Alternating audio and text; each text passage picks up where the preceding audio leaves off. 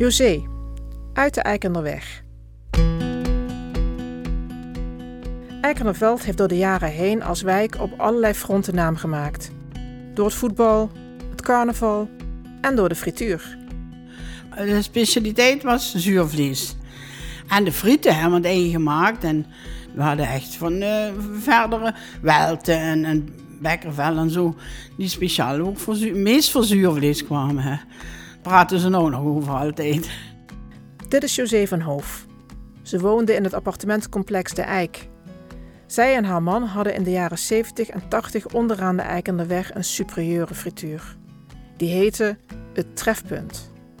En dat was het ook. Een trefpunt. Ja, ik, ik, ik woon ook bij dat hele Eikenderveld, hè.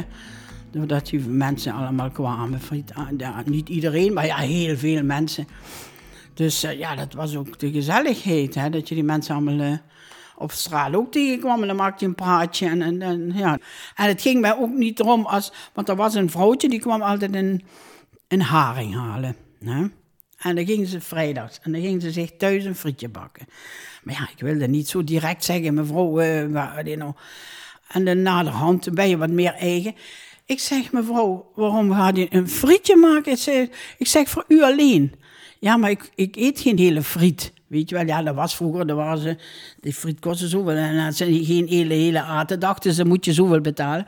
Ik zeg, je kunt een halve friet krijgen. Gewoon een half frietje, betaal je een half frietje. En dan neemt hij een half frietje. Ik zeg, dan hoeft hij thuis geen rommel meer te maken. Want die was eigenlijk ouder. Ik denk, dadelijk had ze nog de vlam in de pan, ja. En vanaf die tijd, die vrouw had nooit geen friet meer gebakken. Die had zich altijd een half frietje meegenomen bedoel maar, en, en zo'n dingen, kijk, dat is ook hetgene wat je dan, daar krijg je ook wel vriendschap door natuurlijk, dat je een beetje schappelijk bent. Ik ben er we zijn er ook niet rijk mee geworden, gaat niet om. Maar op een andere manier wel ben ik wel heel erg rijk. Hè? Ik bedoel, dit is me liever als geld, hoop geld, want als je, ja, niet dan. Nou heb ik ook genoeg, je kan toch leven?